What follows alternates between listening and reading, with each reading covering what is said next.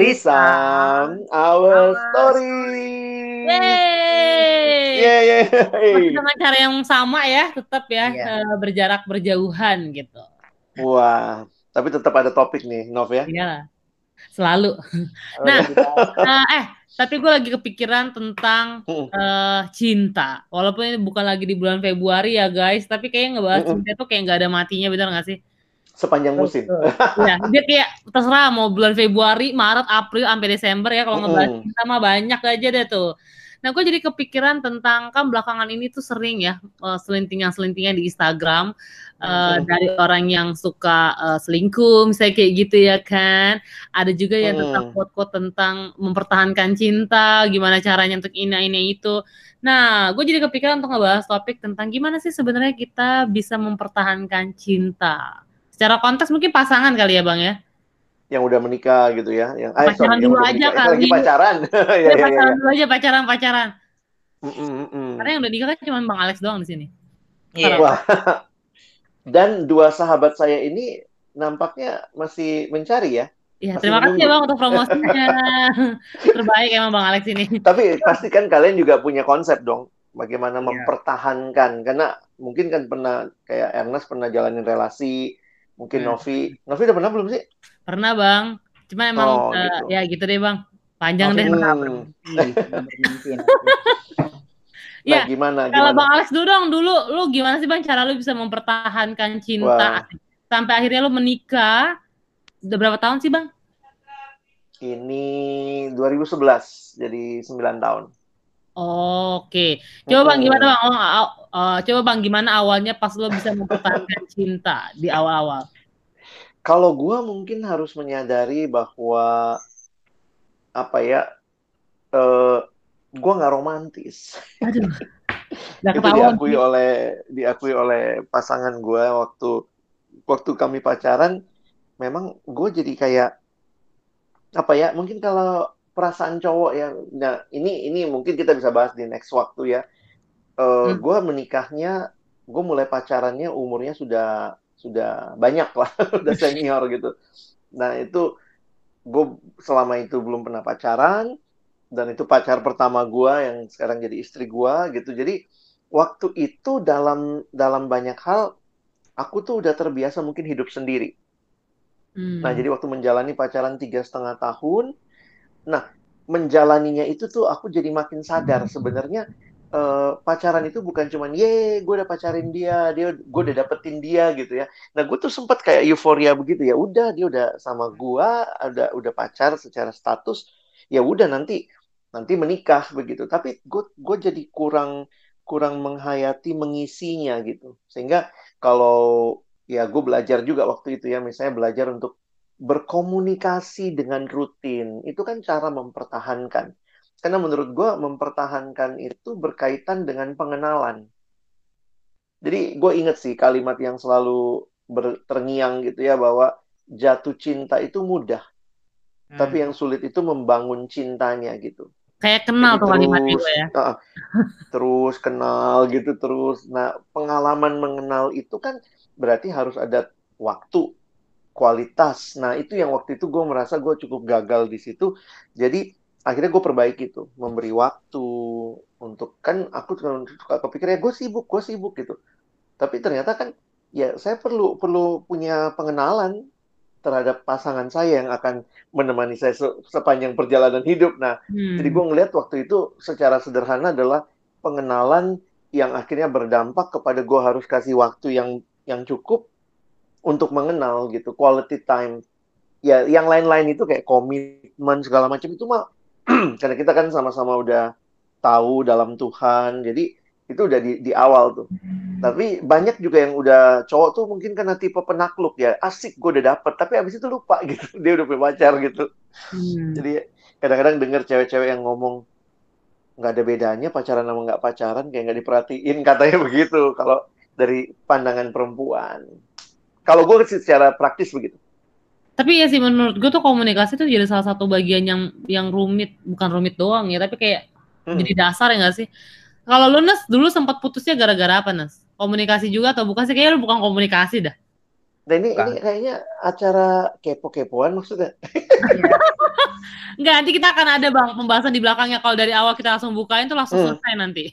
Hmm. Kalau lu gimana Nas? Apa nih eh, gara-gara kenapa gitu? Iya, maksudnya menurut lo nih ya, kok, eh, apa eh, gimana caranya bisa mempertahankan eh, cinta di saat lo pacaran kayak dulu waktu itu kan kalau gue bilang waktu menikah kan nggak mungkin nih. Iya betul. Gimana ya? Mungkin ya tadi kan udah dibilang komunikasi, terus juga udah apa tuh namanya eh mengingat lagi kenapa lo milih dia, terus kenapa akhirnya eh mau jalan sama dia dan lain sebagainya. Cuman ya mungkin ada beberapa hal yang rada rada apa ya bilangnya ya. Satu sisi gue bilang itu sebuah keberuntungan kayak gitu ya, anugerah gitu kalau bisa sampai pernikahan dan juga mempertahankan pernikahan itu sebuah anugerah. Karena kadang-kadang mikirnya nggak ada alasan ya kalau secara rasional rasional banget gitu ya, nggak ada alasan lu mau nikah sama orang itu gitu. Kenapa? Karena itu orang lu baru kenal berapa tahun kayak gitu. Cuman baru mungkin berapa bulan. Terus lu mau menghabiskan sisa, sisa waktu hidup lu sama orang itu. Itu kan secara rasional kan nggak masuk akal seperti itu kan. Nah tapi Cinta nggak kenal logika, Nas. Nah, itu dia kayak gitu. Makanya yang namanya faktor eh, cinta itu kadang-kadang mesti di, diperjuangkan, dibangun, dijaga, tapi bu- butuh juga tuh yang namanya anugerah kayak gitu. Karena kalau enggak tuh susah. Banyak kok yang yang hilang di tengah jalan, eh, namanya perasaannya dan lain sebagainya. Walaupun bisa ngabisin waktu bareng, komunikasi bareng kayak gitu. Nah, tapi itulah maksudnya eh, pengenalan itu dapat menolong kita sih satu sisi ya eh, makin makin cinta lagi kayak gitu makin suka lagi mungkin kayak gitu kali ya eh gue sih mikirnya begitu ya gitu no Kalau dari Bang Alex bilangnya itu komunikasi, Ernest bilangnya itu karena anugerah. Mungkin kalau dari gue eh, saling memahami jadi salah satu salah satu bagian yang penting gak sih? Kalau tapi menurut gue salah satunya juga Bang Alex tapi udah paling benar sih. Kalau lu saling memahami tapi komunikasinya nggak baik, akhirnya juga bisa ancur gitu maksudnya. Paham, paham, paham, terus akhirnya nggak ada komunikasi yang dalam. Kayak susah juga ya Bang. Refleksi lu terhadap kegagalan hubungan lu yang dulu apa? Kalau rese sih Bang. ya nggak mesti itu ya, tapi tapi maksudnya kan dari dari apa yang terjadi baik Pak yang kita alami atau orang lain alami misalnya. Apa sih faktor-faktor ya kalau udah bicara anugerah gue setuju banget sama Ernest. Ada hal-hal yang nggak bisa dijelaskan dengan sekadar kita membangun, tapi Tuhan beranugerah tuh. Yang ada kalimat di Alkitab kan jikalau bukan Tuhan yang membangun rumah, sia-sialah penjaga, menjaga kota dan segala macam.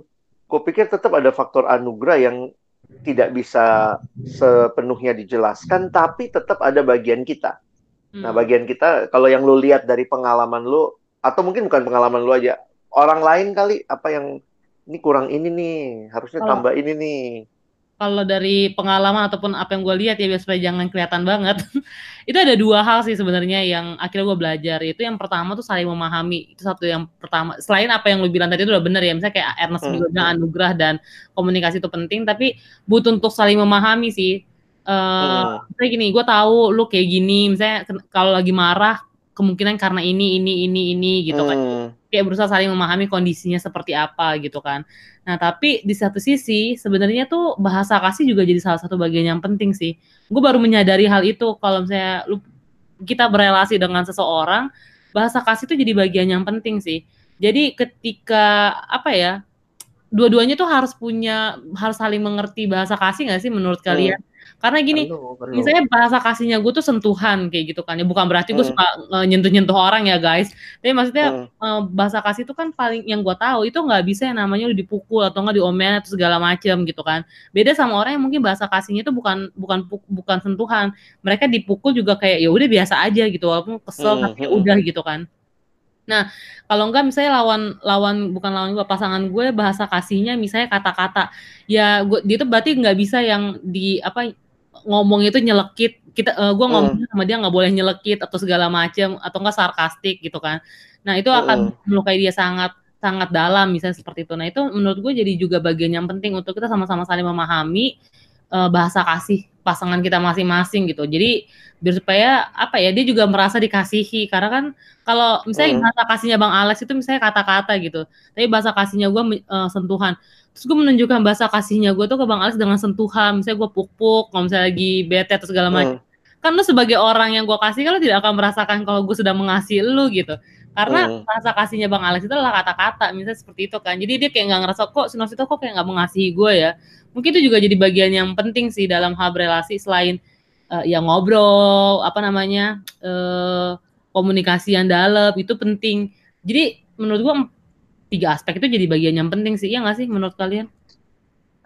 Gue nambahin kali ya, yang yang Hmm. lu bilang saling memahami, gue gue menggaris bawahi, bawahi kata salingnya, bahwa ketika Hmm, saling memahami itu, maka gue harus katakan di dalamnya ya, di mm-mm. dalamnya bahkan ini bahkan sampai pernikahan atau sampai sebenarnya dalam relasi manusia pada umumnya ya, ada pengorbanan. Oh iya sih. Karena karena misalnya gini juga, gue ngerti misalnya bahasa kasihmu, bahasa kasih Novi adalah sentuhan, bahasa kasih gue misalnya kerja kerja keras. Hmm. eh, pemberian misalnya. Nah, sebenarnya gua harus bukan cuman minta gua dimengerti. Ini bahasa kasih gua dong, lo harusnya giniin gua dong. Tapi gua pun belajar untuk misalnya eh ya kalau gua kan suka suka inget ya pengalaman awal-awal sama istri gitu karena Hmm. bahasa kasih gua itu adalah eh, kerja keras. Nih, ini Kerja keras kan itu servis ya bang? Iya, service ya, maksudnya pelayanan, melayani. Hmm. Nah, sementara bahasa kasih istri adalah kata-kata. Oke. Jadi dia merasa dikasihi kalau kita bilang ya I love you, aku sayang kamu atau apa. Nah, awal-awal tuh buat gue ya elah receh banget sih ngomong begitu. Lu udah lihat dong gue kerja dari pagi sampai malam sih buat siapa? Hmm. Kira-kira gitu kan. Nah, itu ternyata dalam pengalaman gue belajar untuk menjadi seperti yang eh, dia harapkan atau belajar untuk mengatakan gue nggak nggak jadi berubah total, tapi gue belajar untuk memahami bahasa kasih dia. Jadi itu bagi gue satu sisi ada pengorbanan tuh Hmm. maksudnya keluar dari comfort zone untuk untuk menyatakan. Jadi gue pikir iya ya kalau pasangan sama-sama egois, lu mesti ngerti bahasa kasih gue dong, lu mesti ngerti bahasa kasih gue dong. Ya jangan harap relasi bertahan kali ya lama-lama ya udah gue udah cukup tahu deh lu kayak begitu. Ya udah lu cari aja yang yang suka sama lu kayak gitu. Nah itu Hmm. yang aku aku alami eh, karena gue ngalamin sendiri ada pengorbanan sih di situ. Ya, jadi maksud gue iya saling ya. Maksudnya tadi gue juga Hmm. jadi nggak sih kata-kata si Bang Alex saling. Berarti dua-duanya harus sama-sama melakukan bukan cuman kayak gue gue mengusahakan tapi yang satu jadi kayak nah Yang satu, bagus mm-mm. bagus lu memahami yang satu nuntut Iya. doang, nuntut doang gitu. Itu serem tuh. Iya sih. Itu jadi salah satu bagian yang yang menarik sih menurut gue. Mungkin kadang-kadang kita suka lupa ya Bang, berpikirnya kayak cuman Mm-mm. komunikasi doang yang penting. Jadi yang yang nggak Ah. usah dipikirin atau enggak berusaha untuk berkomunikasi tapi akhirnya yang satu bahasa kasihnya mungkin bukan komunikasi gitu, tapi ketika dia lagi ada masalah ya udah lu diem aja di sebelah gue gitu. Tapi Hadir juga- kehadiran gitu ya. Ya.